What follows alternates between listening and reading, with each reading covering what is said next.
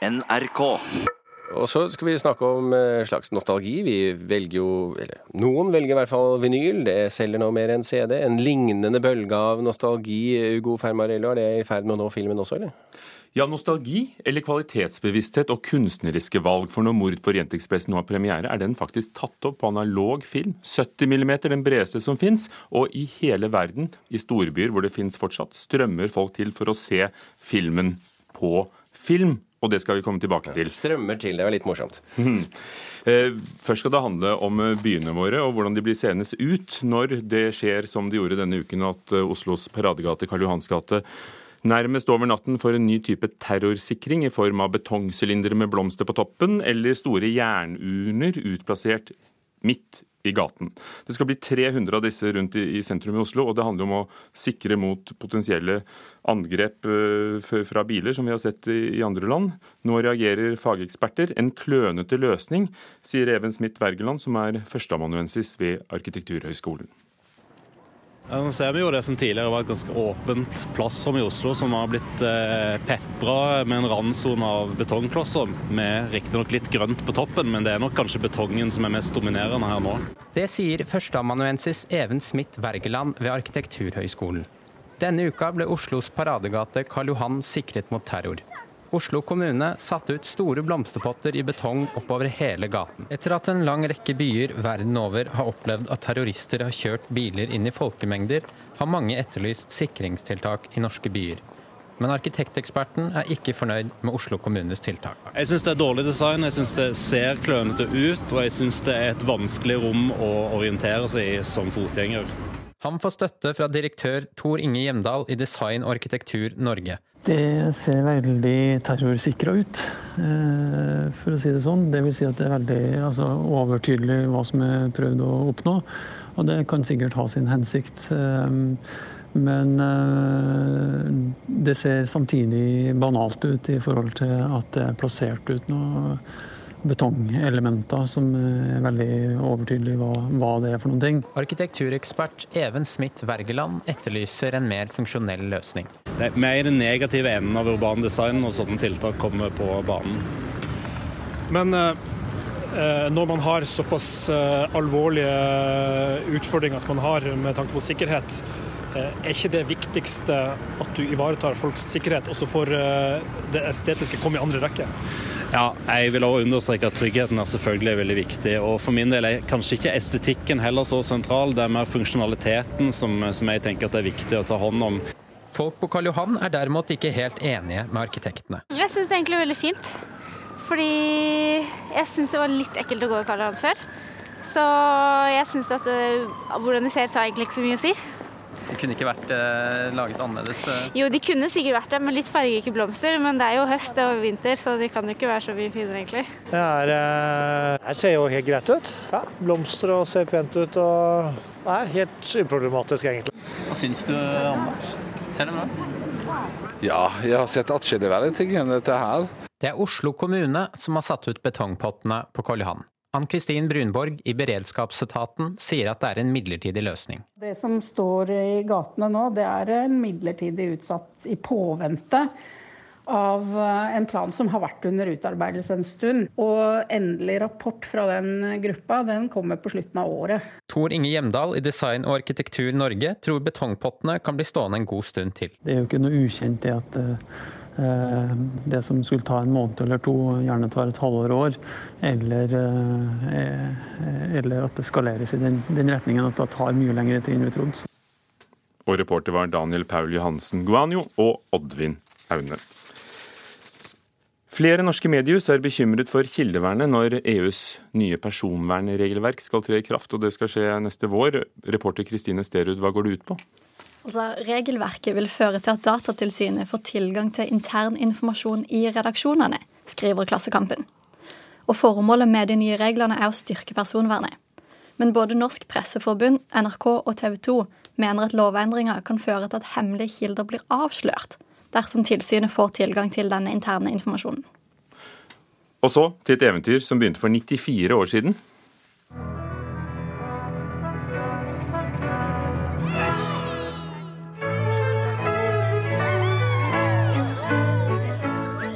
Nationaltheatrets 'Reisen til julestjernen', et julemusikal som har gått sin seiersgang i flere utgaver. I fjor kom det en ny regi ved Kjersti Horn, vår kritiker her i NRK, sa at endelig, det var jammen meg på tide. Men de som eier rettighetene til stykket i dag, er ikke fornøyd. Det er altså forfatterens barnebarn. Hvorfor ikke?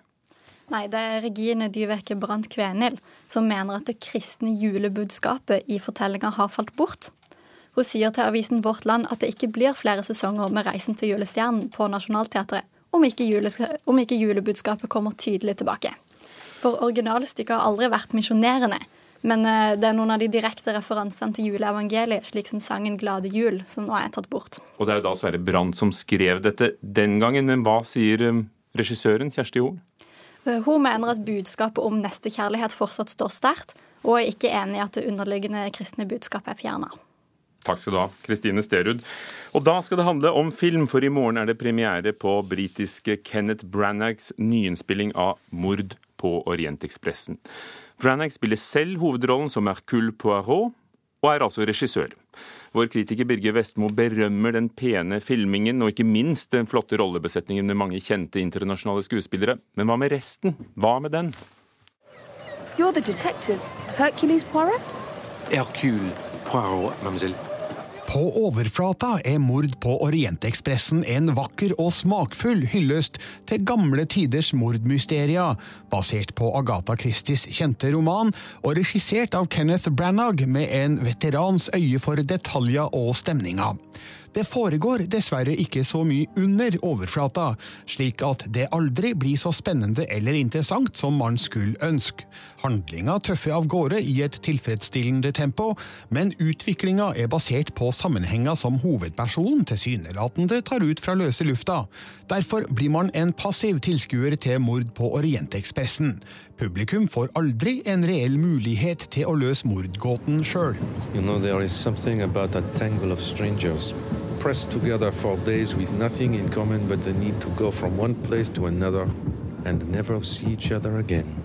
Året er 1934, og detektiv Hercule Poirot, spilt av Kenneth Branagh sjøl, er på vei fra Istanbul til Calais på den berømte Orientekspressen.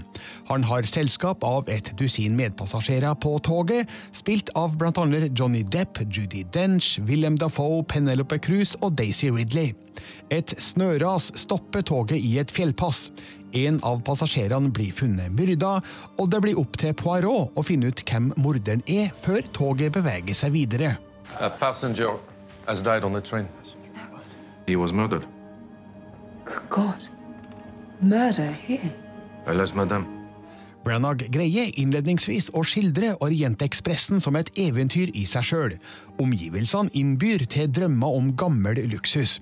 Branagh mestrer hovedrollen som Poirot godt, sjøl om han må finne seg å stå i skyggen av David Suchet som Poirot-gestalter.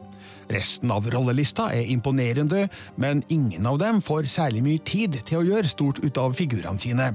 Det gir likevel filmen en ekstra tyngde som den trenger, for om man ser på helheten, er det her et florlett mordmysterium som føles i overkant trygt og ufarlig. As we are snowbound, I have elected to take the case and find for my friend Monsieur Book the criminal. And why you? My name is Hercule Poirot, and I am probably the greatest detective in the world. Mord på Orientekspressen er svært pent filma, med flere lekre detaljer i kostymer og kulisser. Man får virkelig følelsen av å være med på den klassiske togreisa. Dessverre er ikke det som skjer på reisa, veldig spennende. Når løsninga etter hvert avdekkes, er reaksjonen verdt et skuldertrekk, ikke overraskende gisp. Branaghs nye versjon er slett ikke uten kvaliteter, spesielt på den visuelle fronten, men har for få gode grunner til å rettferdiggjøre sin eksistens. The murderer is with us. On the train. Now. Birger Vestmo om mord på Orientekspressen. Han berømmer de visuelle kvalitetene, og Jan Eberholst Olsen, kurator for 70 mm-festivalen ved Cinemateket og kinoinspektør. Det er det en god grunn til. Hvilken? Filmen er skutt på 65 mm negativ film, altså den bredeste analoge filmen som finnes i verden i dag, og vises på enkelte kinoer i verden på analoge 70 mm kopier. For her er det jo vanlig kinopremiere i morgen i Norge, men 20.11. da har dere på Cinemateket i Oslo premiere på den analoge 70 mm-visningen. Men dere er ikke alene i verden? Cinemateket prøver å bestrebe seg på å vise film på film, og eh, vise filmer så nært originalformatet og etter måte, filmskapernes ønsker. Og Her har altså Kent Branagh ønsket å ta med publikum inn i selve toget, togkupeen, på en så realistisk måte som mulig. Men kunne han ikke fått til det i vår fantastiske digitale tidsalder med, med det nyeste av, av, digitale kameraer? Jo, han kunne gjort et forsøk, men, han har gjort, men valget han har gjort, eh, om en bratt oppoverbakke, er å ta et stort svært eh, bulkete kamera eh, med, 70, med 65 mm film inn i en togkupé på settet. Fordi han mener at den analoge filmen gir han bedre farger, bedre kontrast, en mer realistisk, nærmere eh, det, det menneskelige øyet kan se. Og for å gjøre det så realistisk som mulig i denne krimhistorien, denne fantastiske krimhistorien i mine mine øyne, eh, ønsker han å bruke film. Men det var ikke noe selvfølge i, i kampen med Fox Studio som produsent her, at, at han skulle få det til, og få lov? Nei, den er jo skutt i London eh, på sett, eh, og der har de ikke noe mulighet for bredformatfilm lenger, og da fikk de nei. Studio sa at vi kan ikke sende dyrebare negativer over Atlanteren hver eneste dag. Så da ville de fleste gitt opp. Men eh, viljen til Branhaug for å, eh, vise og styre denne på 70 mm er sterk, så de fikk eh, lagd en lab. Første gang laboratorium i London åpnet for 70 mm på, på 30 år. Og da fikk de ja fra studio. Er det en parallell til musikkelskeres smak for vinylplater? Jeg synes det. Man blir jo veldig glad. Digitalkino er kjempeflott, og det er oppfordrer publikum til å se den både digitalt og også analogt hos oss senere. Men det er klart at det gir en annen, kanskje en varme, en dybde. Det gir et helt annet visuelt inntrykk, og det er en annen opplevelse enn mine øyne. En bedre opplevelse. For her er det jo da dere i Cinemateket ved Filminstituttet som står for det. Eh, er det også kommersielt mulig å vise film på film i verden nå?